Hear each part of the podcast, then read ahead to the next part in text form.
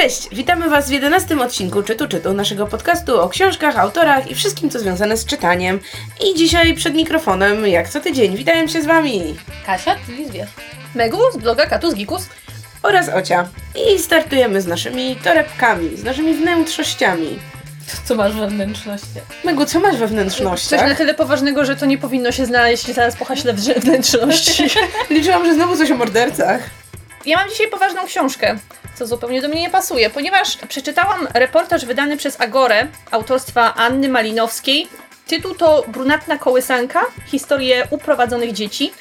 I jakiś czas temu miałam okazję robić korektę pewnego dokumentu BBC, który ukazał się na Netflixie, o organizacji Lebensborn. Czy słyszałyście kiedyś o Lebensborn? Tak. Nie, ale brzmi po niemiecku. Tak, bo to była organizacja i ogólnie taka inicjatywa, która działała w czasie II wojny światowej. Polegała nie tylko na tym, że nazistowskim Niemcom miano dostarczyć jak największej ilości dzieci do walki na froncie i żeby wychowywać te dzieci na idealnych nazistów, ale również e, ta organizacja uprowadzała polskie i ukraińskie dzieci oraz z różnych innych państw, e, porywała je od rodziców i oddawała nowym niemieckim rodzicom, tak żeby wychowywały się na, na Niemców. Te dzieci musiały mieć oczywiście pewne cechy szczególne, blond włos, niebieskie oczy, musiały wyglądać na typowych Aryjczyków i na tej podstawie kwalifikowano je później do przekazania niemieckim rodzinom. Jest to dla mnie też historia osobista e, pod tym względem, że moja babcia niemal została uprowadzona w ten sposób, ale została uratowana w ostatniej chwili, że nie wywieźli jej do Niemiec. Trafiła chora do szpitala, ale moja prababcia w ostatnim momencie, do, kiedy dowiedziała się, że takie praktyki zachodzą, bo ktoś ją ostrzegł, żeby nie zostawiała dziecka w szpitalu, szybko do tego szpitala poleciała i ją stamtąd, i już jej tam nie znalazła. Po prostu ona odzyskała ją w jakiś inny sposób. Ja niestety nie znam szczegółów tej historii, więc nie jestem pewna, jak dokładnie do tego doszło. W każdym razie temat ten od lat bardzo mocno mnie interesował, a historie przedstawione w Brunatnej Kołysance to historie polskich dzieci, które zostały uprowadzone do Niemiec, a później zostały tym niemieckim rodzinom na początku lat 40. i później 50. odebrane i wysłane z powrotem do Polski. Niezależnie od tego, czy miały tutaj rodzinę, na, która na nich czekała, czy nie. Dlatego są to historie niesamowicie tragiczne. To są ludzie, którzy w tym momencie mają po 70-80 lat. Niektórzy z bohaterów tej książki już nie żyją. Autorka przeprowadzała z nimi wywiady na przestrzeni kilku lat i dopytywała ich o ich losy po wojnie i jak sobie poradzili jako dorośli ludzie. I są to losy tragiczne. Ludzi, którzy zostali na zawsze złamani przez to, że wyrwano ich ze swoich społeczności i oni tak naprawdę do końca nie wiedzą, kim są, ponieważ w Niemczech najczęściej mieli kochanych rodziców, którzy sami nie wiedzieli, że to jest porwane dziecko. Myśleli, że biorą dziecko ze sierocińca. I y, dopiero po latach po kilku latach zazwyczaj spędzonych z tą niemiecką rodziną, te dzieci zostawały odebrane przez wojska, które wygrały wojnę, przez wojska amerykańskie albo e, wojska polskie i odsyłane do Polski. Odbierano je tym rodzicom siłą i jeżeli miały jakieś rodziny w Polsce, które na, nich, na nie czekały, to do tych rodzin trafiały z powrotem, a jeżeli tych rodzin nie miały, to trafiały niestety do domu dziecka, co jest, nie chciałabym powiedzieć ciekawe, ale e, strasznie smutne z naszej współczesnej perspektywy, bo wielu ludzi do dzisiaj zdaje sobie sprawę z tego, że nie powinno się było tych dzieci wysyłać do domu dziecka, jeżeli w Niemczech miały kochające rodziny. I nawet jeżeli dzieci odebrane z projektu Lebensborn trafiały do własnych rodzin, najczęściej działo się to już po tylu latach, że i ich rodzice, i te dzieci miały takie problemy z psychiką, z, z zaadaptowaniem się do, now- do, do nowych warunków, że tak naprawdę nigdy nie odnalazły się w polskiej rzeczywistości. I było też kilka takich historii, które opisywały to, jak rodzeństwa poodnajdywały się po 60, po 70 latach od zakończenia wojny. Najnowsza historia jest o braciach bliźniakach, którzy odnaleźli się w 2015 roku. I to, co jest dosyć smutne w tych historiach, to to jest to, że nawet jeżeli te rozdzielone rodzeństwa w końcu na siebie jakoś trafiały, ktoś mieszkał w Europie, ktoś mieszkał w Stanach Zjednoczonych i za pomocą różnych organizacji oni jakoś siebie odnajdywali, to potem nie ma tutaj w tej książce historii pozytywnej, że oni utrzymywaliby dalej kontakty, że ta rodzina znowu by się jakoś połączyła, tylko że zawsze pojawiały się tam jakieś rysy na charakterze, jakieś konflikty, jakieś takie, taka psychiczna niezdolność do tego, żeby jednak ten kontakt dalej utrzymywać. I to jest niesamowicie przygnębiająca i przybijająca książka. Niemniej jednak jest bardzo poruszająca i potrzebna, bo trzeba o takich historiach mówić i warto, i warto je znać, bo wydaje mi się, że akurat działalność Lebensbornu nie jest u nas aż tak dobrze znana i nie, nie mówi się o tym powszechnie. Jeżeli kogoś ten temat by zainteresował, a książkę naprawdę warto przeczytać, chociaż tak jak mówię, no y, po jej lekturze na pewno nikt nie będzie miał uśmiechu na twarzy. Jeżeli kogoś temat zainteresuje, to można sobie uzupełnić też temat tym dokumentem na BBC, który znajdziecie na Netflixie, tylko że już w tym momencie nie pamiętam jaki on miał tytuł. W każdym razie y, dokument opowiada tą drugą stronę medalu, to znaczy nie polskich dzieci, które zostały z powrotem sprowadzone do Polski, tylko dzieci różnego pochodzenia, które zostały w Niemczech u tych niemieckich rodziców, bo nie wszystkie dzieci udało się tym rodzicom odebrać. I one dopiero po latach, w latach 70., w latach 80., dowiedziały się, że tak naprawdę nie są Niemcami, tylko że są Ukraińcami, że są Polakami, i oni już nie, nie byli w stanie z powrotem no, przywrócić siebie do tej swojej oryginalnej społeczności i oryginalnej narodowości. Po tych wszystkich wydarzeniach, które są w tej książce napisane, odbieranie dzieci z terenów okupowanych wojną zostało uznane za zbrodnie przeciwko ludzkości. I duża w tym zasługa też takiego katowickiego adwokata, który się nazywał Hrabar, który był głównym inicjatorem całego programu sprowadzania tych dzieci do Polski. I podczas gdy wywieziono ich kilkaset tysięcy, chyba 200 tysięcy, sprowadzono ich mniej więcej 50-30 tysięcy tylko z powrotem. Także losy tych wszystkich innych osób pozostają nieznane i do dzisiaj żyje na świecie mnóstwo ludzi, którzy tak naprawdę nie wiedzą, że byli Polakami albo byli Ukraińcami. Ja się tylko zastanawiam, już tak z perspektywy zupełnie ahistorycznej, do jakiego stopnia teraz powiedzenie tym ludziom, że wiesz, że twoi rodzice nie byli twoimi rodzicami, wiesz, że nie jesteś naprawdę Niemcem, do jakiego stopnia to jest przywracanie im pamięci i słuszne jak najbardziej działanie na rzecz jest opowiadamy ci o twojej tożsamości, do jakiego stopnia człowiekowi się kompletnie rozpada wtedy wiesz, cały świat, no bo twoi rodzice nie są twoimi rodzicami, twój kraj nie jest twoim krajem, tak naprawdę ludzie, których miałeś za rodziców, to są ludzie, którzy przyjęli czyjeś obce dziecko pod swój dach w ramach e, nazistowskiego programu. Jakby to nie jest pytanie, czy tego nie należy robić, bo tak, to należy robić, ale z drugiej strony to jest taka, ja zastanawiam się w, jak, w ilu przypadkach to jest taka trochę niedźwiedzia przysługa, zwłaszcza, że sama mówiłaś, że nawet,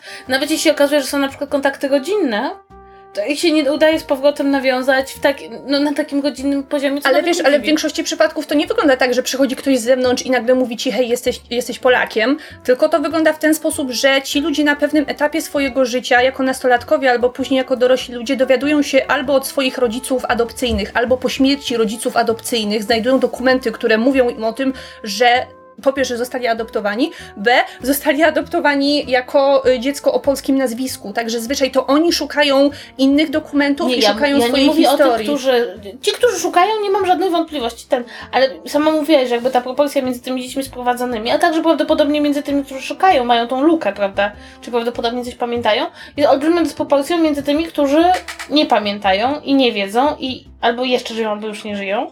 I to ich dotknęło. To jest taka, to jest pytanie, na które ja nie mam dobrej odpowiedzi. To nie jest tak, że. Tylko jest to dosyć ciekawe, bo wiesz, bo trudno o coś, co bardziej podważa twoją twoją tożsamość niż moment, w którym ktoś ci przychodzi i mówi mm, pamiętasz całe swoje życie, to kłamstwo. No. No to, to jest bardzo, dlatego to jest takie trudne też, myślę, i dlatego Ale takie ta, ta, ta, książka też y, porusza ten temat, ta autorka i również jej bohaterowie wspólnie zastanawiają się nad tym, czy oni są szczęśliwi w związku z tym, że kiedyś na pewnym etapie się dowiedzieli, że zostali porwani. Niektórzy, niektórzy y, mówią, że woleliby zostać z tymi rodzicami mm. i że żałują, że się dowiedzieli, bo to są ludzie, którzy później nie są w stanie stworzyć normalnych związków, nie potrafią założyć normalnych rodzin, mają ogromne problemy z tym, żeby w ogóle zaufać komukolwiek w swoim życiu życiu. Także z perspektywy historycznej ten hrabar, ten mhm. prawnik, on na przykład chciał odzyskać te wszystkie dzieci dla Polski, bo to, była, do, bo to było nasze dobro narodowe, które zostało skradzione, ale on się nie zastanawiał nad tym, czy czasem nie robi tym dzieciom krzywdy. Jakby tuż po wojnie to ma sens, bo to był jeszcze wtedy no, to, to, to był proces, który trwał kilka lat, więc jakby rozumiem, że można byłoby go odbudować. Natomiast wiesz, no minęło od wojny trochę czasu. Zwłaszcza, że e, e, tak jak mówię, odbierano te dzieci, nawet jeżeli wiedziano, że nie ma ich komu oddać w Polsce. I one trafiały do domów dziecka, w których panowały wtedy straszne warunki i te dzieci niesamowicie dużo wycierpiały. No tak jak mówię, to nie jest łatwa lektura. Ale jeżeli ktoś e, twierdzi, że jej podoła, to, to warto. Dobrze. Ja to w takim razie może trochę zmienię, zmienię ton. Proszę coś optymistycznego. Kupiłam sobie książkę Toma Hanksa. Ja ogólnie rzecz biorąc Toma Hanksa jako aktora darzę, jako człowieka, olbrzymim sentymentem. E, uważam, że jest to jakby, jest to jeden z tych aktorów, że nawet jeśli mu się zdarzy gorsza rola, to ja i tak się cieszę, że on przy mnie gra. E, Do tego wszystkiego jego od dawna siedzę na social media, stąd wiem, że jest to człowiek o wielkiej słabości do maszyn do pisania, które kolekcjonuje i kocha, a także człowiek, to jest ten typ czło- człowieka, który na Twitterze ma głównie zdjęcia porzuconych na ulicy w Nowym Jorku rękawiczek pojedynczych, które dowcipnie opisuje. Ogólnie rzecz biorąc lubię faceta, jakby i nie jestem tutaj w żaden sposób e, niezwykła, ponieważ Tom Hanks zawsze jest na samym szczycie najbardziej uwielbianych aktorów i ostatnio zrobiono jakiś, e, zrobiono taką sondaż, kogo ludzie chcieliby wiedzieć jako prezydenta Stanów Zjednoczonych, wygrał Rock. Drugie miejsce zajął Tom Hanks i był taki absolutnie cudowny moment w Saturday Night Live, gdzie oni wyszli i oświadczyli, że będą startować Rock jako prezydent, a Hanks jako jego wiceprezydent i razem poprowadzą Amerykę do prawdziwej wielkości. No ale w każdym razie Tom, e, Tom Hanks napisał tom opowiadań. Tom opowiadań, który po polsku nazywa się Kolekcja Nietypowych Zdarzeń. No i to typowe tutaj ma znaczenie, ponieważ takim motywem, który łączy te wszystkie opowiadania i który jest absolutnie przeuroczy, to jest e, maszyny do pisania. Zresztą o tych maszynach do pisania widać, że, mm, że no kocha e, ten, jak to się nazywa, kocha je bardzo Tom Hanks, ponieważ e, zawsze jakby one się pojawiają z czułością, albo na przykład pojawiają się nawet w opowiadaniach, w których nie muszą. Jest takie opowiadanie o w którym są dzieci, które piszą listy świętego Mikołaja na maszynie do pisania, a nie ręcznie, już chyba tylko po to, że się pojawiła maszyna do pisania. I widać, że on je e, bardzo lubi. On tutaj e, pisze, że to przez Norę i ja rozumiem, że przez Norę Efron, którą on też współpracował i e, którą znał, która scenarzystką. No i ogólnie rzecz biorąc, jak aktor wydaje opowiadania, to pierwsza myśl jest taka, Jezus Maria, nie Tomie, zajmij się graniem, e, nie chcemy czytać tego, co napisałeś, proszę, nie rób tego. Natomiast Tom Hanks jawi się przy tych opowiadaniach jako pisarz niewybitny, ale wystarczająco dobry, żeby się to czytało z przyjemnością. To są krótkie opowiadania, które mówię, łączą maszyny je do pisania to tak... Natomiast one mają różne, to są różne obrazki. Bardzo różni bohaterowie, bardzo różna tematyka, bardzo różny ton tych obrazków, także charakter, tam część jest napisana trochę jak drama, część jak notka prasowa, część jest z punktu widzenia tam opowiadająca o kimś, niektóre są z trochę jak dziennik. Więc to jest bardzo zróżnicowana forma. Jest jedno opowiadanie, które w ogóle Hanks napisał w 2014 roku, więc jakby wyprzedzając trochę napisanie tej książki. I teraz zawsze jest, jak się pojawia książka napisana przez aktora, to pojawia się to pytanie, czy napisał aktor, czy jakiś Iksiński i podpisaliśmy to nazwiskiem aktora. Nie, to jest ewidentnie Tom Hanks. I ja mogę powiedzieć, dlaczego wie, wierzę, że to jest Tom Hanks. Otóż pomijając fakt, że są tu przezabawne obrazki z, z życia aktorów, to znaczy na przykład jest takie świetne, krótkie opowiadanie, które jest trochę opowiadaniem o niczym, ale jest o facecie, który promuje film i udziela tych 400 wywiadów dziennie. I to ewidentnie to jest Tom Hanks y, opowiadający o swoim życiu jako aktora promującego film. To e, kiedy nawiązuje do pewnych wydarzeń historycznych, pewnych sytuacji, to ja przecież widzę, że to jest taki trochę przegląd jego ról. To znaczy. Ja widzę, że na przykład jakaś opowiadanie nawiązuje do Berlina, bo on tam spędził dużo czasu kręcąc e, most e, szpiegów. Widzę, że jest, wspomina coś o lądowaniu w Normandii i myślę sobie o szeregowiec Ryan. Jest u, y, uchodźca, który tam nie zna za dobrze języka i próbuje przejść w Nowym Jorku, myślę sobie terminal. Te opowiadania tak mają w sobie ten fragment tego, tego jej ka- kariery filmowej, a jednocześnie, kurczę, one nie są jakieś wybitne, ale ogólnie to jest też trochę tak, że my tych opowiadań nie czyta- nie za dużo się czyta opowiadań, prawda? W ogóle jakby zbiór opowiadań to nie jest coś takiego, co czyta się e, często. I ja to muszę powiedzieć, przeczytałam, z, jeszcze nie skończyłam, więc jeszcze mi trochę zostało, z dużą przyjemnością. Jedyny minus, jaki widzę, to jest to, że moim zdaniem to nie jest najlepiej przetłumaczona książka. Znaczy, jest to książka, która wyszła w Polsce, ona wyszła w Stanach Zjednoczonych bodajże w tym roku i wyszła w Polsce kilka tygodni później. Okej, E, kto ją przetłumaczył? Bo był apel, że mamy podawać nazwiska Dobrze, już, książek. już mówię, kto ją przetłumaczył. Patryk Gołębiowski. Patryk Dzień, dzień, dzień, shame, shame, shame. Nie, to znaczy ona nie jest zła, tylko jest po prostu. E, mam takie jakieś poczucie, że e, tutaj czas mógł go gonić, ponieważ to jest książka wydana w 2017 też w Stanach. E, niedawno bodajże jestem absolutnie pewna, że Tom Hanks ją jeszcze nawet promuje, bo miał spotkanie w Londynie jak, kilka tygodni temu. Ale to nie jest powiedziane, że tłumacz dostaje ją do, do przetłumaczenia zaraz po tym, jak ona wyjdzie w USA, Ale mógł ją dostać każdym- wcześniej. Ale nie myślę, żeby mógł, nie, nie podejrzewam, żeby ją dostał jakoś mega długo wcześniej. Jak już to niewiele, no plus sa, sam proces jakby wydawniczy po otrzymaniu tłumaczenia jest dosyć długi, to jest z reguły kilka miesięcy między tym, jak tłumacz odda przekład, a tym, jak książka trafia na rynek, no bo wiadomo jeszcze korekta, redakcja, gdzieś je można robić w trakcie, ale druk zajmuje naprawdę dużo czasu. I myślę, I myślę, że w przypadku tej książki y, jeszcze dostaliśmy maila w ogóle w jej sprawie i wydaje mi się, że też że można byłoby powiedzieć, ponieważ ta książka jest wyjątkowo źle promowana. E, Przede wszystkim na, mm, na okładce jest napisane pokochaliście go jako Foresta Gumpa, teraz pokochacie go jako pisarza. Przepraszam, absurdalne. Bo ponieważ Tom Hanks zagrał tylko w jednym filmie i w żadnym Ale w innym ogóle nie zagrał. jakby, co? To znaczy, y, Jaki jest związek przyczynowo-skutkowy? no powiedzmy, jakim hasłem promuje się tę książkę w internecie? Promuje się ją hasłem y, weź Toma Hanksa do łóżka. Tak, No, i to jest... I to hello. jest już pomijając fakt, że naprawdę To ma Hanksa! jakby Bez urazy, to, to, to, to nie, to, że to nie jest przystojny no, ale- mężczyzna czy coś, ale come on, to nie jest aktor, który promuje się na rolach tego typu. Tak, czy... tak. Powiedziałabym wręcz, wręcz przeciwnie, że jakby gdzieś kiedyś czytałam taki tekst, że właśnie Tom Hanks jest takim najbardziej bezpiecznym aktorem, ponieważ wszyscy go lubią, ale jakby nikt nie chce go wziąć do łóżka za przeproszeniem. No ale w każdym, w każdym razie jakby to też mnie bardzo denerwuje, dlatego że rozumiem, że e, Hanks jakby ta książka nie ukrywa go pod innym nazwiskiem, jest dosyć mocno zakorzeniona w czymś, co o nim wiemy, na przykład właśnie z tych maszynach do pisania i byłoby po prostu fajnie napisać, ej słuchajcie, Tom Hanks napisał książkę, przyjdźcie zobaczyć jaką książkę napisał Tom Hanks, wiecie kim jest, jest znanym aktorem, jednym z naj najbardziej utytułowanych, utalentowanych aktorów, jakie ma Hollywood, takim typowym amerykańskim aktorem. Nie musimy tego sprzedawać taką straszną żenadą i taką, takim hasłem marketingowym, naprawdę pokochaliście go jako Foresta Gampa. Ten... Co? Zwłaszcza, że na skrzydławku wewnętrznym jest fragment czyjejś recenzji, na której ktoś napisał, że okazuje się, że Tom Hanks jest też mądrym i zabawnym pisarzem, o nieskończenie zaskakującym umyśle, niech to diabli, prawda? No i założenie czegoś takiego na zasadzie Tom Hanks umie też pisać, niech to diabli, na zasadzie takiej zazdrości, na ile, ile, ile ktoś może mieć talentu, byłoby na fajnym takim, no, nie mówcie mi, że umie też pisać, na przykład to by było w ogóle fajne hasło. Natomiast to hasło właśnie takie Forrest Gump, ten... Ja, ja, ja osobiście, jako osoba, która uwielbia kulturę popularną, czuję się zawsze tak strasznie zażenowana. Na zasadzie, ej, a nie mogę, mogę potraktować poważnie. Okej, to jest aktor, ale to nie jest taka małpka i nie musimy zawsze e, te, te, tej kampanii reklamowej tak spłaszczać. I tak ta książka się prawdopodobnie dobrze sprzeda, więc... więc... to brzmi tak, jakby osoba, która robiła marketing tej książki, nie widziała żadnego filmu od 94 roku. No bo promować w tym momencie Hanksa Forestem Gumpem, to tak jakby później nie grał w niczym znanym, albo... Tak, a czy ja mogę wam w ogóle powiedzieć, a tej ostatniej rzeczy, której chciałam powiedzieć, ponieważ o znanych e, nazwiskach znanych aktorów, otóż dostałam, od National Geographic dostałam tak, taki przecudowny, piękny album poświęcony zagrożonym gatunkom. Jest to cudowny album, są to zdjęcia zrobione na całym świecie zagrożone gatunkom zwierząt, razem z opisem, jak te zwierzęta się zachowują i jak bardzo są zagrożone. I na okładce jest napisane, że wstęp napisał Harrison Ford. Ja sobie myślałam, co Harrison Ford ma wspólnego z, z zagrożonymi zwierzętami? Ale z drugiej strony pomyślałam, no to jest taki gra takich twardych facetów, prawda? Tutaj stolarz, jakby, nie wiem, może jest jakimś inwestytorem. Okazało się, że istnieje więcej niż jeden Harrison Ford i to nie ma nic wspólnego z graniem w filmach. I jest po prostu jakimś szefem nasz, jakiegoś, jakiegoś międzynarodowego stowarzyszenia na rzecz ochrony zwierząt. Ale autentycznie na okładce wstęp Harrison Ford. Ja mówię, uhu, uhu. Szukali tego człowieka związanego z ochroną przyrody, który miałby nazwisko znanego aktora. Więc, więc jakby tak sobie pomyślałam, bo Tom Hanks to, to brzmi, prawda, jak takie randomowe nazwisko, które mógłby mieć jakiś urzędnik stanu cywilnego w Nowej Orlanie. Nie.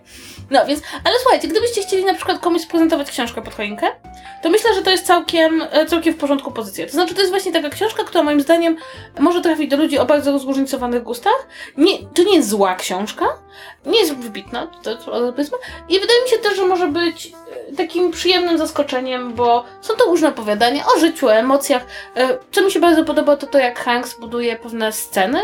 Mam wrażenie, że bardzo widać właśnie, że pracuje w filmie, bo on bardzo najpierw buduje dekoracje, które są bardzo wyraźnie widać, a potem w tych dekoracjach rozgrywają się różne scenki. No, ale w każdym razie, wiecie co polecam? Tak, powiem to, bo bardzo podeszłam jak, jak do jeża, bo ja uważam, że aktorzy nie powinni się zajmować takimi rzeczami jak wydawanie książek, ale, ale ewidentnie może czasem powinni. Dobrze, to po dwóch entuzjastycznych recenzjach pora na jedną o wiele mniej entuzjastyczną. Otóż w ramach nadrabiania zaległości z polskiej fantastyki wydanej w ostatnich latach przeczytałam Asystenta Czarodziejki. To jest pierwszy tom trylogii Kroniki Rozdartego Świata autorstwa Aleksandry Janusz i ta książka ukazała się w połowie 2016 roku nakładem naszej księgarni, czyli wydawnictwa raczej niekojarzonego z fantastyką, bardziej z literaturą dziecięcą czy młodzieżową. O czym jest ta książka? Otóż ma dosyć nietypowego głównego bohatera. Nazywa się on Vincent Thorpe, jest około 40-letnim mężczyzną, który przez ostatnie 24 lata pracował jako asystent uznanej, poważanej czarodziejki, zwanej Szaloną Meg.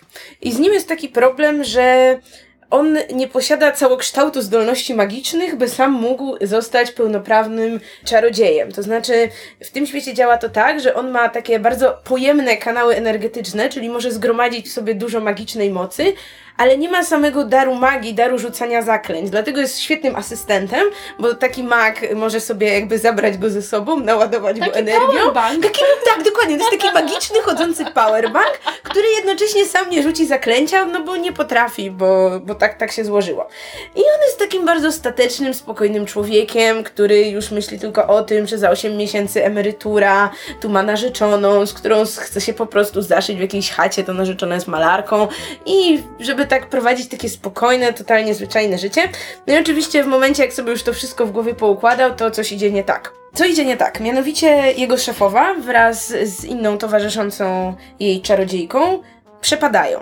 Jak w ogóle skonstruowany jest ten świat? Otóż bohaterowie mieszkają w jednej krainie, jest pustka, która oddziela tę krainę od drugiej krainy, która rozłączyła się z nią około 700 lat temu. Tam był wielki konflikt, to właśnie chodziło o to rozdarcie i teoretycznie przez tę pustkę nie da się przejść i nie wiadomo, co się w tej drugiej krainie dzieje i po prostu w momencie, jak te czarodziejki przepadają w tej pustce, no to nie wiadomo, czy one tam zginęły, czy one przyszły na drugą stronę, co się w ogóle stało i jak im teraz pomóc, bo nasz bohater zostaje sam razem z asystentką tej drugiej czarownicy, ze swoją narzeczoną i z taką małą dziewczynką, która też tam przyjechała dopiero na nauki do tych wiedźm i oni są takim bardzo nietypowym zespołem, który musi dowiedzieć się, co się stało i wyruszyć na ratunek.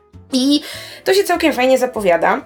Jest ciekawy świat, do którego zostajemy wrzuceni na głęboką wodę i nie ma na początku takiego, wiecie, walenia ekspozycją y, między postaciami, które wiedzą o co chodzi, tylko po to, żeby czytelnik się dowiedział. To jest wszystko dosyć fajnie rozegrane i trochę czasu mija, nim w ogóle połapiemy się o co chodzi, jak to działa, bo, bo właśnie bohaterowie nie tłumaczą sobie oczywistych rzeczy. Jest bardzo ciekawe podejście do magii, ponieważ magia jest mocno matematyczna i jak mag rzuca zaklęcia, to nie wiem, nie mówi słów po łacinie albo czegoś w tym stylu, tylko różniczku, różniczkuje i całkuje. Dokładnie. Boże, więc, nie. więc jakby najzdolniejszym magiem jest najzdolniejszy matematyk. Osoba, która potrafi w pamięci dokonać wielu działań, potrafi najszybciej różniczkować te sprawy. nie nienawidzę tej magiem. książki. Nie byłabym magiem. Tylko, że to trochę z kolei jakby.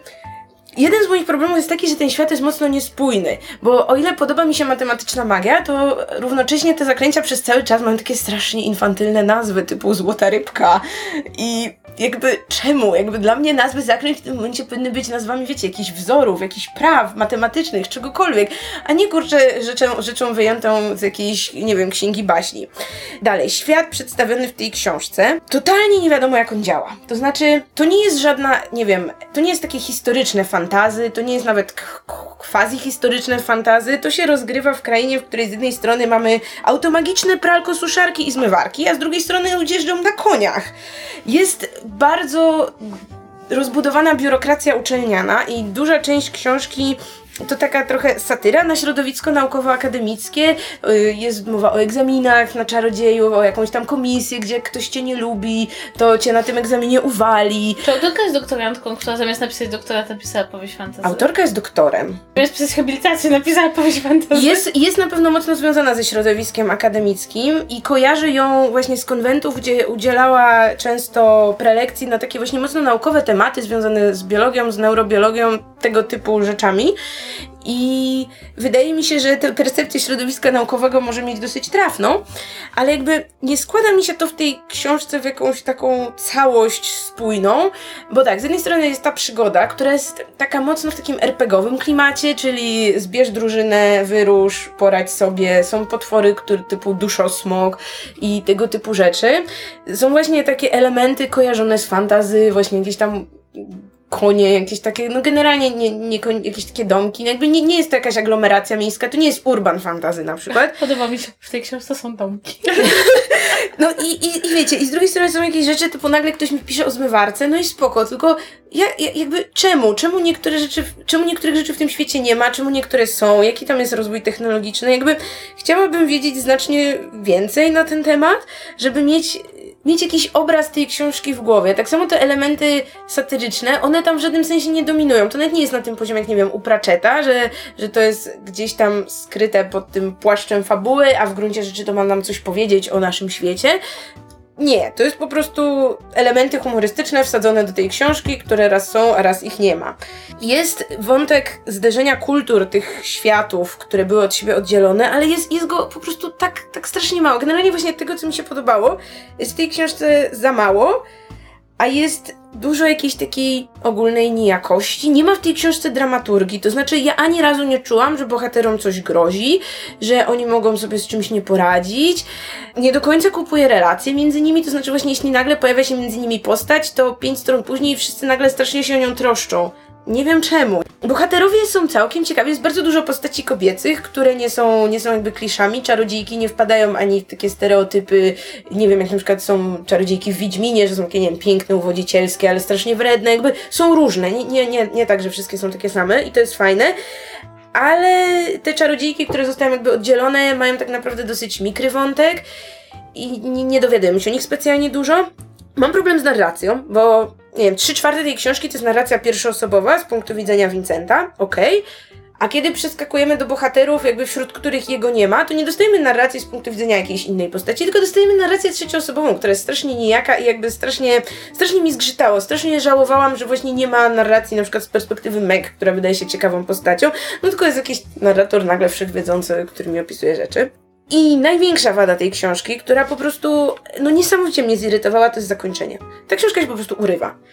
I tak, jakby wiem, jak działają trylogie, pewne wątki zawsze zostają otwarte, ale w tej książce żaden wątek nie zostaje zamknięty. Jakby w tej książce rozpoczyna się ileś wątków, przychodzi jakiś rozdział i nagle książka się urywa. To jakby miałam takie wrażenie, jakby skończył się papier w drukarce. I ja nawet zgłębiłam tę sprawę i ponoć to było tak, że tom pierwszy i drugi był napisany jako jedna książka przez autorkę i wydawnictwo rozbiło go na dwa tomy.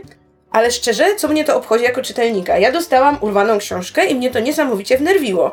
I przyznam szczerze, że ja wcale nie mam ochoty sięgnąć po kolejny tom, czy kolejne dwa tomy, no bo come on, tak się nie robi. I nawet jeśli wydawnictwo stwierdza, że tak będzie lepiej, to wydaje mi się, że jednak ostateczna decyzja zawsze należy do autora, tak? Czy się zgodzi z jakimś wydawnictwem na taką współpracę, czy nie. I moim zdaniem to jest zabieg po prostu karygodny, bo ta książka nie ma finału, ta książka nie ma puenty, ta książka jest fragmentem czegoś. I z tego pięknego rantu możemy płynnie, takim pięknym segwayem, którym nie powinniśmy mówić, bo wtedy już nie jest pięknym segwayem, przejść do tematu naszego odcinka, który brzmi grzechy wydawnictw. Super, ja już jestem odpowiednio nakręcona emocjonalnie. Jest, jest, już jest w odpowiednich miejscach. Otóż dzisiaj chciałobyśmy porozmawiać o czymś, co jakby każdy czytelnik doskonale zna i co go bardzo boli, to znaczy o tym, co w literaturze i w naszych doświadczeniach czytelniczych w ogóle nie zależy od autorów, tylko zależy od wydawców, którzy podejmują różne decyzje, które bardziej lub mniej nas denerwują. I teraz z góry chcemy jedną rzecz powiedzieć, wydaje mi się na wstępie.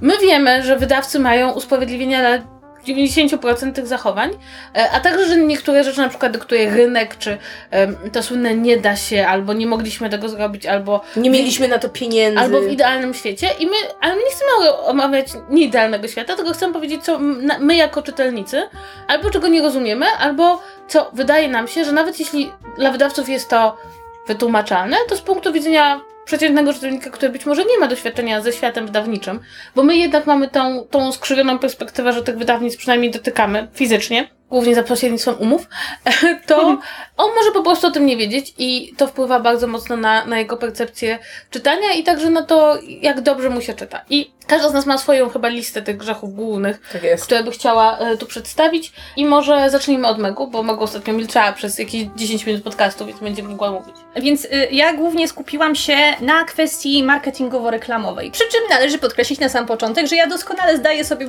sprawę z tego, że przy tym jak dzisiaj wygląda rynek, reklama jest absolutnie jego niezbędnym elementem, y, również w przypadku wydawnictw, co nie zmienia faktu, że jako powiedzmy czytelnik dosyć świadomy, ja przez wiele, wiele lat wykształciłam w sobie taką totalną awersję do niektórych zagrywek, które stosują wydawnictwa, po to, żeby czytelnika przyciągnąć do y, danej pozycji. I to są rzeczy, które odwołują się no, nie do prymitywnych ludzkich instynktów, ale oddziałują na takie nie wiem, może oni myślą, że my mamy taki pstyczek w głowie i oni znają do niego klucz i wiedzą, wiedzą jak, jak nam ten pstyczek uruchomić, żebyśmy konkretną książkę kupili. To, czego ja nie cierpię, to raz. Nie lubię bardzo umieszczania absolutnie wszędzie hasła, że dana książka była na liście bestsellerów New York Timesa. Sprawdźcie nasz poprzedni odcinek, dowiecie się dlaczego. Ponieważ te książki, to nic, po, po pierwsze, to nic nie znaczy. Po drugie, czasami jest to miejsce 20 na tej, liście, na tej liście bestsellerów. To nawet nie była książka, która zbliży, zbliżyła się do pierwszej dziesiątki, ale to właśnie świadczy o tym, jak listy bestsellerów wpływają na rynek i jak go kształtują, bo wystarczy na niego trafić raz, nieważne na które miejsce, a już twój wydawca może y, tym hasłem promować twoją książkę. Albo to jest inną twoje książki, nie? jak jesteś autorem, nie? Który po Tak. prostu kiedyś tam był, 10 lat temu na przykład. inna rzecz. Polska odpowiedź na grę o tron. Jezus moja. Polska odpowiedź na, nie wiem, Ojca Chrzestnego, polska odpowiedź na Władcę Pierścieni, polska odpowiedź na zaginioną dziewczynę. Ja pierdolę, jak mnie to wkurza. A ja jeszcze, jeszcze jeśli mogę dodać, mnie najbardziej wkurza, to jest ta cała kategoria nowy X. Nowy George Martin, nowa J.K. Rowling. George Martin w spódnicy. E, tak. To też osobna E, kategoria, jak nie mamy jak autorki zareklamować. Żałuję, że nie napisałem tej książki Stephen King. E, Żałuję, że nie napisałem tą książkę Stephen King. to się rzadziej pojawia. No, w, ka- w każdym razie, y, nie wiem, reklamowanie kogokolwiek, albo tytułem książki, albo nazwiskiem innego autora jest takim wstrętnym podchodem. Nienawidzę tego. To jest. To jest totalnie nieuczciwe i to dla mnie tylko świadczy o tym, że ja y, w tej książce nie mam niczego, y, nie mam czego szukać. Prawdopodobnie w niektórych przypadkach wydawca po prostu krzywdzi swojego autora, bo jestem pewna, że znajdą się osoby podobne do mnie, które na widok czegoś takiego na okładce od razu rzucają książką i stwierdzą, że nigdy więcej jej nie wezmą do ręki. Więc to jest kolejna rzecz. Inną rzeczą, to z kolei strasznie śmieszne, jest nie tyle reklamowanie książki jej nadchodzącą ekranizacją, co samym faktem, że prawa do ekranizacji zostały sprzedane. To jest tak głupie. A czy ja mogę, mogę Bo może do niej nie dojść bo- nawet, bo- ale- Ale słuchajcie, ja wam podam idealny przykład. Lata, lata temu, i wydaje mi się, że to była jeszcze końcówka lat 90., początek 2000, wydawnictwo Amber wydało wyjątkowo paskudne wydanie książek Ewanowicz. To jest taka popularna autorka w serii o Stefani Plum.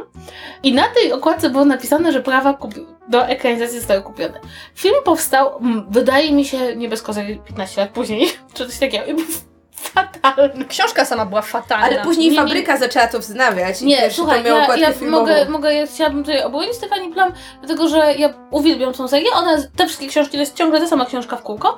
Natomiast ona jest absolutnie przeurocza, ponieważ główna bohaterka od już to będzie prawie 30 tomów, nie może się zdecydować, czy woli jednego faceta, czy drugiego, w związku z tym pozostaje w związku z nimi oboma.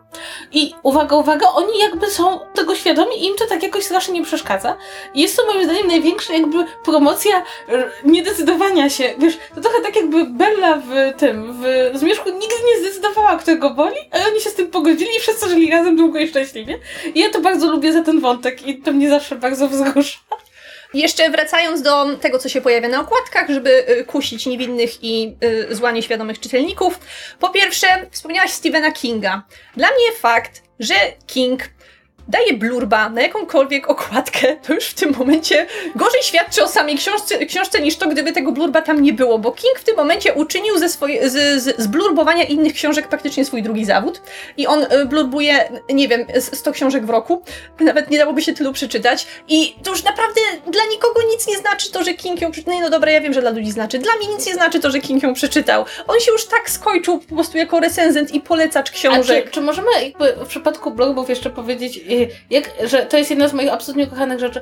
O, blurb na tył okładki. Czy ile fabuły powinniśmy zdradzić? Co powiecie, jeśli zdradzimy całą fabułę tego tomu i jeszcze połowę fabuły następnego? Albo, albo Jeszcze jak są jeśli tylko... chodzi o te polecanki, to wydaje mi się, że Stephen King i tak nie jest jakby największym kuriozum. Największym kuriozum są dla mnie fakty, jak książkę poleca jakiś celebryta, totalnie niezwiązany z tematyką książki, z gatunkiem książki. A to strasznie Mam na zwiększa przykład, sprzedaż. Y, Mam na przykład książkę młodzieżową e, Paolo Bacigalupiego, e, autora między innymi e, Nakręcanej dziewczyny, e, wydaną przez e, wydawnictwo literackie, którą poleca mi jakiś znany polski sportowiec, który możliwe, że nawet wtedy był jakimś medalistą, jakby z całym szacunkiem, na pewno jest to doskonały sportowiec, ale przepraszam, czemu on ma mnie zachęcać do kupowania niszowej fantastyki? Bo jest znanym Ja- sportowcem. Ja pamiętam, że kiedyś była taka seria Jaśmela, ten chłopak, który przyszedł na opiekunę, miał taką serię książek, które polecał dzieciakom. I to ponieważ to było wydawnictwo, chyba nie było stać ich na nowe książki, w związku z tym to była właściwie sama klasyka. I mnie to strasznie bawiło, bo tam chyba był na przykład Mark Twain. Ja miałam takie, serio? Mark Twain potrzebuje Jaśmeli, żeby go polecić? Taki niszowy autor, który sobie bez tego nie poradzi. Więc, więc to jest jedna z tych rzeczy, tak, ale ogólnie w ogóle ja, ja napisałam swoim życiu kilka blurbów na okładkę i z tego, z tego mogę powiedzieć, że blurb na okładkę to jest rzecz, którą część osób pisze na zasadzie okej, dobrze, jak napisać pięć najmniej osobowych zdań, które nie Pięć będą... zdań, ale to już jest niesamowicie długi blurb, takich się już w tym momencie nie spotyka. Dobra, trzy powiedzmy. Ale najlepsze są te, które zawierają dwa słowa. Na przykład wy, wy, wycinek z jakiejś y, recenzji, dajmy na to New York Timesa, albo The Observer, albo Atlantic. Absolutnie fantastyczna. Ale- Zapiera dech. Fenomenalna. Kropka. I to jest koniec Ja blurba. uwielbiam, słuchajcie, uwielbiam te blurby, bo ja zawsze do nich dodaję sobie na przykład absolutnie fantastyczny przykład tego, jak można zepsuć dobry temat. I ja to, to jest moja, moja rozrywka, jak, ale jeśli, jeśli mówimy w ogóle o tych kwestiach, to ja może chciałabym jeszcze dodać, coś co mnie osobiście bardzo denerwuje, to jest robienie tego cholernego przedstawia. Co ostatnio zrobiła Supernowa w przypadku opowiadań o Wiedźminie. Andrzej Sapkowski I przedstawia. zrobili wielki Andrzej Sapkowski przedstawia. I ja na przykład nie jestem cięta na opowiadanie o Wiedźminie. Uważam, że to bardzo fajny pomysł. Gra sprawiła, że ludzie dużo piszą w tym świecie. Jest to świat na tak skonstruowany, że zasadniczo rzecz biorąc bardzo ładnie poddaje się napisaniu opowiadań. E, też powiedzmy sobie szczerze, jakby Sapkowski już sam napisał fanfika do swojego Wiedźmina, w związku z tym otworzył tym, tym samym drzwi innym. Ale jak ja to widzę, to ja sobie myślę, kurczę, oszukujesz mnie. Ja wiem, co ty chcesz zrobić. Ty chcesz zrobić, żebym ja nie zauważyła tego przedstawia, żebym ja pomyślała, że to napisał Andrzej Sapkowski. I ja- jakby jesteś wobec mnie w tym momencie nieuczciwy, liczysz na mój brak uwagi. To tak samo jak się robi z George'em Martinem w tym momencie, gdzie on jest tylko redaktorem wybierającym tekst danej antologii, a i tak tylko jego nazwisko pojawia się na okładce. Ewentualnie pojawi się jakimś małym druczkiem dru- nazwisko drugiego współautora jakiejś, jakiejś książki, ale akurat z nim to jest, to jest nagminne. Tak, bo nadmieńmy, że tam nie ma nazwisk autorów, którzy są w środku, nie ma nawet napisanego, nie wiem, antologia opowiadań fanów, czy Ja bym, cokolwiek. ja, bym, ja bym przeżyła, gdyby tam było na przykład wielki napis Wiedźmin. To bym przeżyła. Gdyby tam po prostu, wiesz, też by ludzie prawdopodobnie mogli się pomylić, ale tam jest to Andrzej Sapkowski w miejscu dla autora, tak? Jakby nie możemy zacząć, nie mogę zacząć mojej relacji z książką albo z wydawnictwem od tego, że wy jednak próbujecie mi w jakiś sposób podejść, jakiś, sprzedać. Ja, ja co więcej, ja chcę przeczytać tę książkę. Ja jestem do osób, które chcą przeczytać tę książkę, jestem do niej autentycznie pozytywnie nastawiona, jestem bardzo ciekawa, co zobaczę w środku.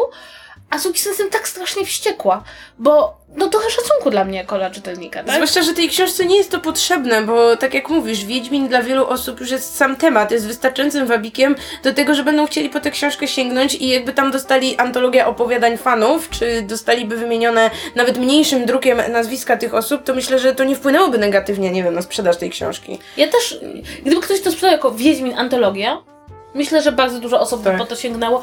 Bez tego Sapkowskiego, który ponownie, jakby marketingowo, Sapkowski już się graczom aż tak bardzo z Wiedźminem jednoznacznie nie kojarzy. Nawet czytelnikom po tym, jak mówisz, swoim własnym fanfiku, to też już nie jest tak, że wszyscy mają jakby takie stuprocentowe zaufanie do prozy Sapkowskiego. No niestety dużo osób do niego zaufanie straciło po, e, po jego ostatniej książce osadzonej w uniwersum Wiedźmina. Ale a propos okładek mam jeszcze jedną ostatnią rzecz, którą chciałam, e, o której chciałam powiedzieć. Jest autorka Liane Moriarty, która napisała Słodkie Kłamstewka, która wcześniej napisała Kłamstwa mojego męża. I ja trafiłam na nią parę lat temu, kiedy jeszcze w Polsce nie była taka znana, a na, na pewno nie było nakręconego serialu na podstawie jej powieści. I właśnie przeczytałam Małe Kłamstewka parę lat temu, kiedy w Polsce ich jeszcze nie było. A potem sprawdziłam, czy książka została wydana w Polsce, bo byłam nią absolutnie zachwycona. Stwierdziłam, że to jest świetna powieść dla każdego czytelnika, zwłaszcza, że porusza bardzo ważny temat i również powinni się z nią zapoznać panowie, ponieważ y, mówi o przemocy wobec kobiet i pokazuje ciekawą perspektywę i ciekawe ujęcie tematu. Po czym znalazłam książkę u polskiego wydawcy. Miała ona absolutnie odrzucającą, wstrętną okładkę, ociekającą lukrem, na której oczywiście kobieta w zwiednej sukni chodzi po łące, czy robi inne typowo kobiece rzeczy, nie wiem, zbiera jabłka, zbiera kwiaty, cholera wie co jeszcze. I była na niej taka wielka, żarówiasta, żółta nalepka z napisem Kobiety to czytają. Ja sobie myślę, nie, nie, mój Boże, nie. Automatycznie odcinają się od połowy dostępnych czytelników, bo gdyby wydali tę książkę w innej okładce, w innej oprawie graficznej, może jeszcze dałoby się zachęcić jakiegoś mężczyznę do, do jej przeczytania, ale jak A ja... to jest książka napisana przez kobietę, dlaczego mężczyzna miałby czytać coś, co napisała kobieta? Ha, ha, ha, ha, ha, ha, ha, I pewnie bohaterką jest kobieta. To No jest ale jak, jak teraz facet miałby się pokazać, czy ja wiem, że no, No nie mógłby, ale... Normalny ale... facet powiedziałby, że jego to nie obchodzi, ale jak facet weźmie tę książkę i zacznie ją czytać na przykład w autobusie, podczas gdy nie powinien, bo przecież tam jest napisane, że kobiety to czytają. Znaczy, ja myślę, że w ogóle jeśli chodzi o okładki, to ja proponuję, że zrobimy o tym osobny Tak. odcinek, zwłaszcza, że ja mam doświadczenie z dobieraniem okładki do mojej własnej książki, w związku z tym mogę insiderowo powiedzieć, jakie to jest koszmarne. Natomiast ja jeszcze chciałabym dorzucić swoje, swoje bolączki. E, Największa, moja, jedna z moich bolączek to jest zmiana tytułu. E, to znaczy, tu, ja rozumiem, że czasem jest nowe tłumaczenie i zmienia się tytuł, a czasem zmienia się tytuł bez zmiany nowy, bez nowego tłumaczenia. Ja na przykład rozumiem, że powiedzmy, e, jak w przypadku Agaty Christie 10 murzyniontek zostało zamienione i nie było już nikogo. Uważam, że to jest słuszne, czasy się zmieniają, rozumiem. Dwa lata temu był w Polsce serial Bodo, który sprawił, że każde wydawnictwo chciało mieć książkę o Eugeniuszu Bodo. A tak naprawdę po prostu jest tylko jedna, mm, jedna napisana dobrze biografia Eugeniusza Bodo, którą wydano z okazji premiery serialu ponownie nowe wydanie. Natomiast wydano książkę Bodo i Gwiazdy. Ja tą książkę kupiłam, zaczęłam ją czytać. O Eugeniuszu Bodo nie było tam prawie nic. To wzbudziło moje lekkie zaintrygowanie i zaciekawienie. I spojrzałam na tą książkę. Okazało się, że pierwsze wydanie miało tytuł coś tam, coś tam, losy polskich artystów na emigracji. Okazało się, że nie była to książka zupełnie inna, której nadano nowy tytuł, żeby pasowała do marketingu pod serial Bodo, bo była o, aktorach z dwudziestolecia międzywojennego. Strasznie mnie to zaszkodziło książce, która jest, była, jest dobrą, fajną pozycją, którą mam w dwóch egzemplarzach, bo mam też to pierwsze wydanie. E, Jest dobrą, fajną właśnie taką e, publikacją o tym, co się z aktorami działo po wojnie między innymi, a także przed wojną.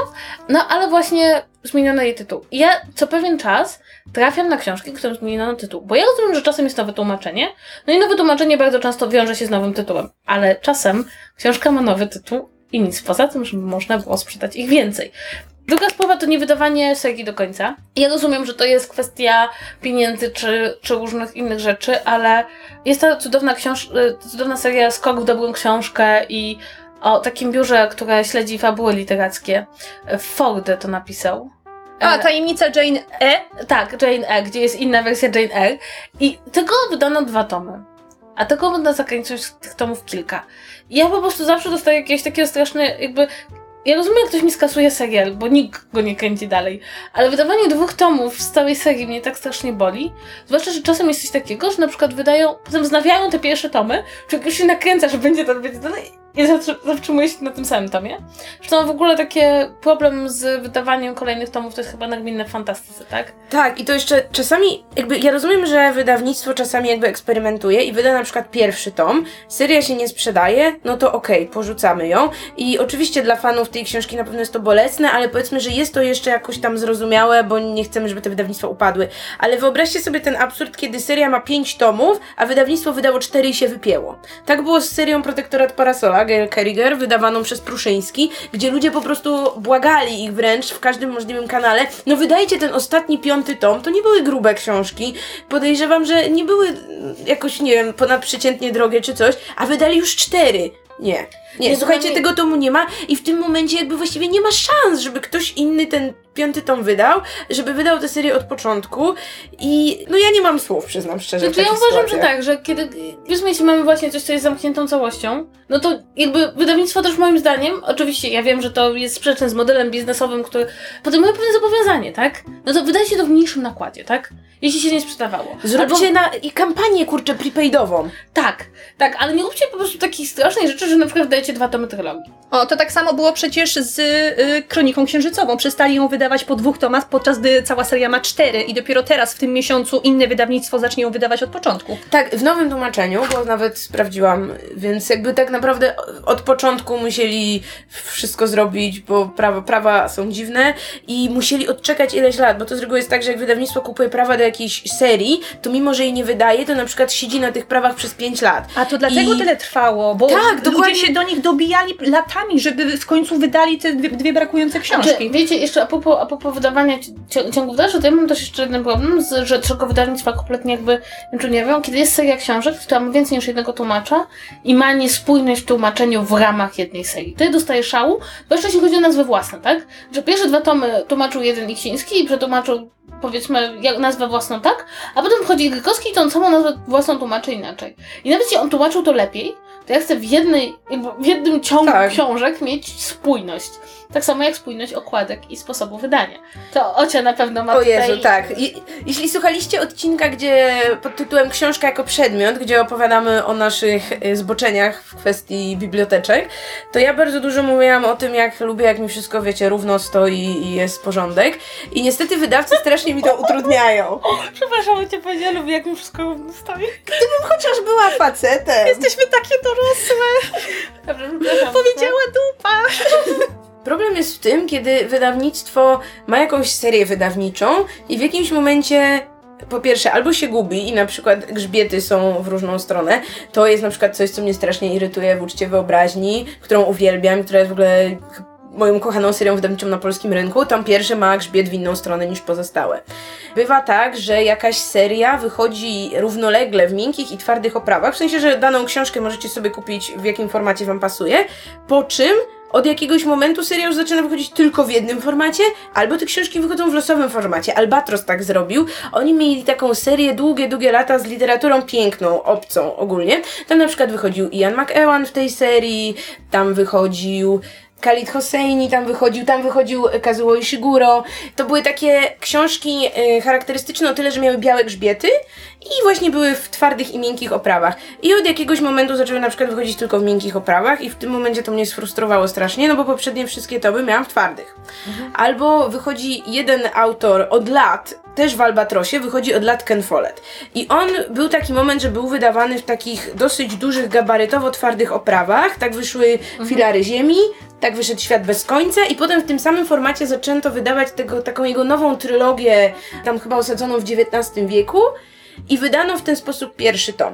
A poszedł, potem wyszedł drugi tom, tam minęło parę lat między jednym a drugim i w tym momencie Albatros stwierdził, że hmm, oni ostatnio wszystkie książki wydają już w trochę mniejszym formacie, więc drugi i trzeci tom tejże serii Foleta wydali już tylko w mniejszym formacie i dorobili do tego pierwszy tom, mając totalnie w dupie ludzi, którzy kupili pierwszy tom w tym pierwszym wydaniu i nie mogą postawić tych książek obok siebie, bo one totalnie do siebie nie pasują. Ale ja mnie najbardziej denerwuje, i to jest jedna rzecz, e, biuro literackie, które wydaje tomy poezji, wydaje taki, wydało w swoim czasie takie wielgaśne tomy poezji, antologia poetów rosyjskich, francuskich, ukraińskich.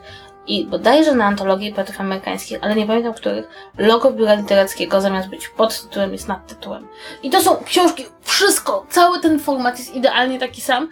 I to jedno logo jest w miejscu. Słuchajcie, u mnie ta książka stoi do góry nogami, żeby logo się zgadzało, ale ja po prostu tak mnie to męczyło i to miałam takie, dlaczego mi to robicie? Jakby naprawdę ludzi, którzy kupują te książki nie jest bardzo wiele. Dlaczego mnie personalnie próbujecie zabić logo w złym miejscu, tak? Myślę, że jakby to są czarno-białe książki, idealnie, dokładnie takie same. I ta jedna ma to logo w złym miejscu. To wygląda naprawdę jakby po prostu ktoś y, robił to na złość, jakiś taki troll, słuchajcie, siedział w tej, nie wiem, drukarni, czy tam wcześniej w, po, w siedzibie grafika i po prostu jak grafik odszedł od komputera, to mu przesunął to logo na górę, a takie haha. Ha. Ale Chyba takim najbardziej trollerskim wydawnictwem jest Fabryka Słów. Ona słynie z tego, że co chwilę zmienia swoje okładki. Ja pamiętam, że Anetę Jadowską zaczęłam kupować, ponieważ urzekła mnie absolutnie przepiękna okładka pierwszego tomu, e, po czym od drugiego zatrudnili nawet nie rysownika, tylko kogoś, kto To mi były- fajne nie, to zdjęcia. były ze stoku No zdjęcia, właśnie, bo fajne zdjęcia ze stoka umie znaleźć i je bohaterka przerobić. wygląda inaczej. I były tak brzydkie, a ta pierwsza okładka była po prostu rysowana na zamówienie z bohaterami, była absolutnie przepiękna i czemu do tego już nigdy nie wrócili? Znaczy, nie wiem. Chciałabym jeszcze powiedzieć a propos w ogóle wydawania książek, to ja coraz bardziej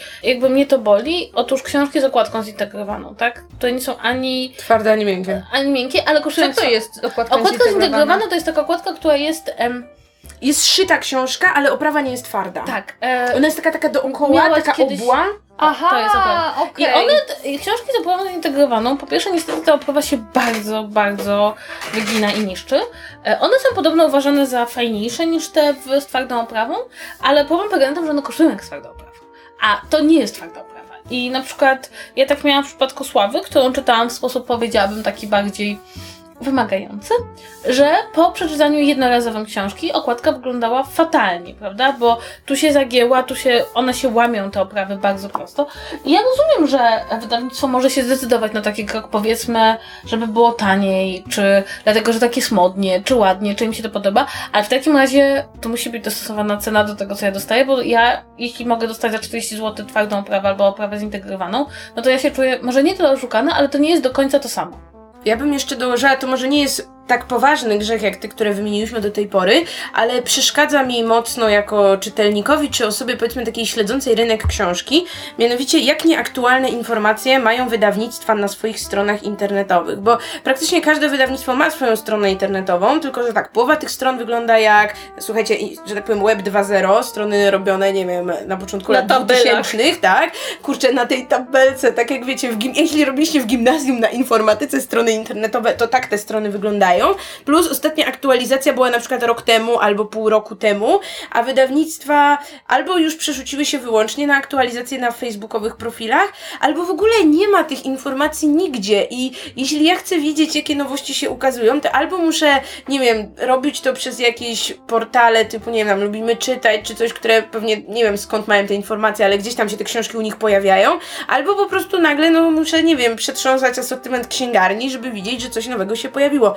Jakby, come on, jeśli nie dowiem się o waszej książce, to jej nie kupię. Wydaje mi się, że to nie jest jakiś kolosalnie duży koszt, żeby mieć aktualną stronę internetową z aktualnymi zapowiedziami i tym, co już wydaliśmy do tej pory. Ja chciałam powiedzieć tylko, jakby korzystając z mojego doświadczenia przy wydawaniu książki, kiedy chciałam, żeby wydawnictwo skorzystało z mojej sławy internetowej. No ale nie, ale powiedzmy sobie szczerze, no jakby no, jeśli bloger wydaje książkę, no to można byłoby poczynić ten internetowy troszeczkę wysiłek, żeby książkę sprzedawać lepiej w sieci. Em, tak. To się okazało strzelanie jakby do pustej bramki, nie, do pełnej, pełnej bramki, bo to było bardzo trudne. Znaczy ogólnie rzecz biorąc, trochę tak jakbym mówiła do ludzi, którzy nie rozumieją, że e, dzisiaj przez sieć, przed dobrze zbudowaną stronę, z okazji premiery, przez e, coś więcej niż tylko baner, bo to dostałam, dostałam baner od nich, że jakby jeśli, jeśli się zrobi więcej, to można więcej sprzedać, tak? No to jest świetny przykład do tego, jak powiedzmy sprzedają książki blogerzy w internecie, którzy po prostu sprzedają je osobnymi sklepami na tą osobną książkę.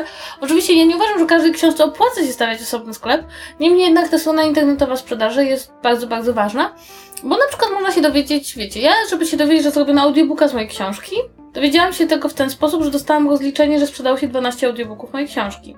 W ten sposób ja, autorka książki, dowiedziałam się, że audiobook istnieje. Nawet go nie dostałaś, jako takiego, nie wiem, pliku, egzemplarza. Wow. A więc jakby ja tego nie rozumiem, bo zrobienie audiobooka kosztuje i ja nadal nie rozumiem, jakim cudem można było mi nie powiedzieć, że jest audiobook mojej książki. Żebyś go mogła chociaż promować, prawda? Tak, i to jakby to nie jest, to nie jest coś, co wydawnictwo zrobiło na złość, tylko wydawnictwa tak działają. I dla mnie to jest po prostu niesamowite, bo wydanie książki to są duże pieniądze. Gdybym ja wydała duże pieniądze, to bym robiła wszystko, żeby ta książka się potem sprzedała. Nie dlatego dla sławy autora, tylko po prostu to się wtedy bardziej opłaca. No właśnie, mówimy o pieniądzach. Czy was też tak strasznie wkurza ten mit biednego wydawnictwa, którego na nic nie stać i musi ciąć koszty na absolutnie wszystkim? Musi ciąć koszty na korekcie, bo go nie stać, na redakcji, bo go nie stać, na tłumaczeniu, bo go nie stać. Książki wychodzą, ukazują się jakby strasznie niedbale, są wydawane, potrafią zrazić czytelników do naprawdę dobrego autora. Później na etapie promocji książki, y, mówi, mówi się, nie wiem, blogerom, którzy naprawdę chcieliby porządnie te książki promować, że nie no, na promocję to pieniędzy nie ma. Wysyła się te książki jakimś ludziom totalnie losowym, którzy piszą tak, że normalnego człowieka w życiu nie zachęcą do sięgnięcia po tę książkę tylko dlatego, że zrobią to za darmo. I generalnie, jeśli zaczynamy rozmawiać jakkolwiek o pieniądzach, to od razu słyszymy, nie no, wydawnictwa takie biedne, wydawnictwa nie stać. No come on, jakby były takie biedne, to już by dawno poupadały. Ja No. myślę, że y, to bardzo dobrze kiedyś nasz, y, nasz wspólny kolega Paweł Opydo podsumował, że największym osiągnięciem wydawnictw y, w tym momencie jest wmówienie absolutnie wszystkim naokoło, że nie mają pieniędzy. Znaczy, dla mnie, dla mnie rzecz, która mnie straszliwie denerwuje, to jest to wydawnictwo Znak. E, to, to jest Znak Nowa bodajże, to jest taki imprint znaku. Uznało, że ja chcę czytać ich książki. I oni mnie wysyłają, i to są nie, to nie sama książka, i mi przysyłają tą książkę z kubkiem, Parasolem. parasolem, z mydłem. I to są takie książki, słuchajcie, które do mnie przychodzą na zasadzie niektóre, może jeden czy dwie książki były nawet logiczne. Ostatnio dostałam książkę, która była w ogóle, to była książka, którą rozłożono na pocięto jakby na cztery kawałki i każdy, każdy kawałek był w osobnej kopercie. Chodziło o to, żeby właśnie je czytać, nie zajrzeć do końca, tylko je czytać po kolei. Y, raz dostałam jakąś taką pięknie, absolutnie przecudownie zapakowaną książkę o tym, jak kupować francuską bieliznę, e, łącznie ze spisem najlepszych sklepów z bielizną we Francji. Jak, Szkoda, że nie przysłali ci bielizny. E, Coś mi do tego przysłali, tylko ja nie pamiętam co to było, ale chyba to nie były majtaski. Ale coś takiego było dziwnego. Może jakąś przepaskę nauczyć? Coś, coś, coś, coś. Żebyś nie musiała na to patrzeć. W każdym razie, ale to mnie bardzo... I słuchajcie, jeśli wydawnictwo stać, żeby robić takie akcje promocyjne, nawet bez targetowania e, odbiorcy do tego stopnia, żeby można było powiedzieć, tak, ten odbiorca to jest człowiek, no nie wiem, może nie przesyłajmy Kasie Czajce książki o francuskiej bieliźnie, bo jakby na, jej największym osiągnięciem w promowaniu ubrań to jest ej, zobaczcie, mam nową koszulkę ze Star Warsami, tak? Tylko prześlijmy to dziewczynie, która zajmuje się modą, to oni mają pieniądze do wydania. Pieniądze, które moim zdaniem po prostu źle inwestują. Bo zrobienie takiej e, spersonalizowanej czy takiej szerokiej wysyłki z prezentem kosztuje. No, wysłanie tych wszystkich listów, te wszystkie egzemplarze, które trafiają. Słuchajcie, no ja nie mam wyrzutu sumienia, że nie recenzuję książek, które, które do mnie przychodzą, a o nie nie proszę. E, natomiast źle się czuję z tym, że ta książka nie trafi na rynek. No, autorowi by się należało, żeby trafiła. Więc, e, więc to jest prawda. Inna sprawa jest taka, że ja promowałam kiedyś e, e, książki dla wydawnictw za pieniądze. No i to, to, to jest dosyć ciężka sprawa. To znaczy, bardzo mało wydawnictw jest się w stanie zgodzić na to, że po pierwsze tą książkę się przeczyta i o niej napisze i to będzie wszystko. Są jakieś, wiesz, pamiętam, że kiedyś świetną w ogóle książką Unicestwienie, tą taką trylogię. Jeffa Vandermeera, tak. Tak, Jeffa Otwarte Vandermeera. to wydawało. Tak, bardzo fajnie mi się z nim współpracowało, ale na przykład u większości e, blogerów wymusili to, żeby ludzie zrobili playlisty, których należy słuchać do czytania tej książki i to było takie dziwne. E, Znaczy, to ma tyle sens, że Jeff Vandermeer jest tym autorem, który bardzo często sam robi playlisty do swoich książek, Tak, no, ale- więc powiedzmy, że gdzieś Ale chociaż... raz, raz mi poprosiło mnie wydawnictwo otwarte, żebym napisała dla portalu Gazeta.pl tekst o przybyciu obcych jako motywie w popkulturze, e, bo promowali książkę Piąta Fala, ponieważ był film Piąta Fala. Ja napisałam ten tekst i on poszedł. I tylko nie poszedł z podpisem, że jest reklamowy. I ludzie potem mieli takie na zasadzie, dlaczego tam jest tyle o piątej fali, która jest po prostu magną książką i magną filmem. I ogólnie rzecz biorąc, dlaczego ten tekst jest taki dziwny, prawda? Nie jest jakimś takim naukowym spojrzeniem, tylko jakimś przeglądem. No nie, bo, bo był pisany jako tekst reklamowy pod pewne wytyczne reklamowe i ja do dzisiaj mam do nich pretensje, to olbrzymie. Natomiast oni mieli pieniądze, tak? Jakby, jak chcieli, to mieli te pieniądze. Więc tak, moim zdaniem trzeba być, bardziej się stać wydawnictwem, przy czym wydawnictwa są w, taki, w takiej sytuacji jak dystrybutorzy filmów trochę. Nawet gdyby nikomu nie zapłacili, i tak bardzo dużo osób samych siebie do nich napisze. W związku z tym, dlaczego mają płacić? To też jest jedna z tych rzeczy, która, która moim zdaniem tutaj stoi im na, e, na drodze do płacenia ludziom, bo jeśli jesteś no, nikt nam nie płaci za nagrywanie tego podcastu, robimy to i nam to Tak, i wspominamy o jakiej Tak, liczbie Więc, książek, więc, tak? więc po co ktoś miałby nam płacić, skoro robimy to same i z własnym entuzjazmem? I też jedna rzecz, która mnie absolutnie intryguje i nie jestem tego w stanie powiedzieć, dlaczego nie przysyłają egzemplarzy recenzenckiej w formie e-booków. Chyba ze strachu przed tym, że one wyciekną do internetu, ale dla mnie po prostu wiecie, ten system, że oni przesyłają fizycznie książkę, ja potem zostaję z książką, która, która mi zalega, albo ją muszę oddać, nie mogę jej odsprzedać, bo nie wypada odsprzedawać. Wiesz, to, to, to zależy, bo niektóre wydawnictwa przesyłają e-booki, jak już książka zostanie wydana. Dla mnie jeszcze gorszą rzeczą jest przesyłanie egzemplarza recenzenckiego w formie PDF-a, bo ja wtedy O po prostu Jezu. mówię, no sorry, ja nie będę siedziała przed ekranem i sobie niszczyła oczu przez 12 godzin czytając waszą książkę, żeby ją potem zrecenzować, bo, bo to jest dla mnie Przy niezdrowe. czym jedna rzecz jest, jedna rzecz, na, jedna, na jedną rzecz mają wydawnictwa pieniądze, przynajmniej z mojego doświadczenia, to znaczy mają na patronaty. Na patronaty mają na umieszczenie mojego logo na jakiejś książce, mogę wziąć pieniądze. To mnie zawsze strasznie bawi. Dają ci tą książkę do przeczytania chociaż wcześniej, żebyś wiedziała, co promujesz Tak, swoim logiem? oczywiście. E, Ja w tym, e, ja, ja tylko jak na razie dwie książki i trzecią będę promować. Jedna to była e, książka Krążąc wśród cieni, e, na, na podstawie której powstał film z Janem Nisonem. A druga to był Poldark. O, I to, to tu było trafili. takie, takie, i to, co więcej, moje logo jest na tej okładce, tak to jest Aidan Turner i to jest najbliżej chyba, jak będę do Aidan Turnera w A ty byłaś na wszystkich okładkach chyba. Nie, wydaje mi się, że tylko na pierwszej. No, wydaje mi się, że na, tylko na pierwszym tomie jestem. Ale tu akurat ktoś przynajmniej dobrze chyba stargetował Tak, tak, produkt tak, y, bardzo. pod osobę. No i teraz, teraz będzie wychodziła książka tego Terry Gilliam. Tak, jego, jego książka o nim, jego wspomnienie. No i też chcę to objąć patronatem, no ale to, ale to ma sens, prawda? Tak. Mm, No i za to płacą i za to płacą całkiem nieźle, więc to jakby jak są, to mają pieniądze, tak? No właśnie, tak samo jest, mam wrażenie, z tą redakcją i korektą. To nie jest tak, że wpadki tyczą się tylko jakichś małych wydawnictw, które dopiero stawiają pierwsze kroki i faktycznie może nie mają pieniędzy, ale przecież przypominam sobie sprzed raptem kilku lat tę okropną wpadkę wydawnictwa Znak, książka dotycząca fenomenu Gwiezdnych Wojen, Och, którą, ja e, którą zawalono na etapie i tłumaczenia, i korekty czy redakcji, bo tam i były błędy, takie totalne błędy rzeczowe, gdzie było widać, że tłumacz nie ma pojęcia o czym pisze, i zdania, które w ogóle nie były po, Po polsku, polsku. więc nie wiem, korektor z redaktorem też spali. I wiecie, duży wyda- duże wydawnictwo, książka naprawdę promowana, książka na wówczas popularny strasznie temat i takie zawalenie sprawy. No jakby. bo to wyszło zaraz przed premierą Przebudzenia Mocy. Tak. I naprawdę no, bardzo dużo osób czekało na tę książkę, no i nie bardzo, się bardzo wielu czytać. osób y, zo- zo- zostało na etapie kupmy oryginał, bo No. tego nie da się czytać. Ja byłam jedną z osób, która opublikowała recenzję tej książki, wyliczając te wszystkie straszne błędy i chyba najbardziej e, flagowym i zewsząd wyśmiewanym był błąd, kiedy Order 66 przetłumaczono jako zakon 66, a nie rozkaz 66. Tak, to jest trzy sekundy w Google, żeby wiedzieć o co chodzi, jeśli nawet tłumaczka nie zna uniwersum.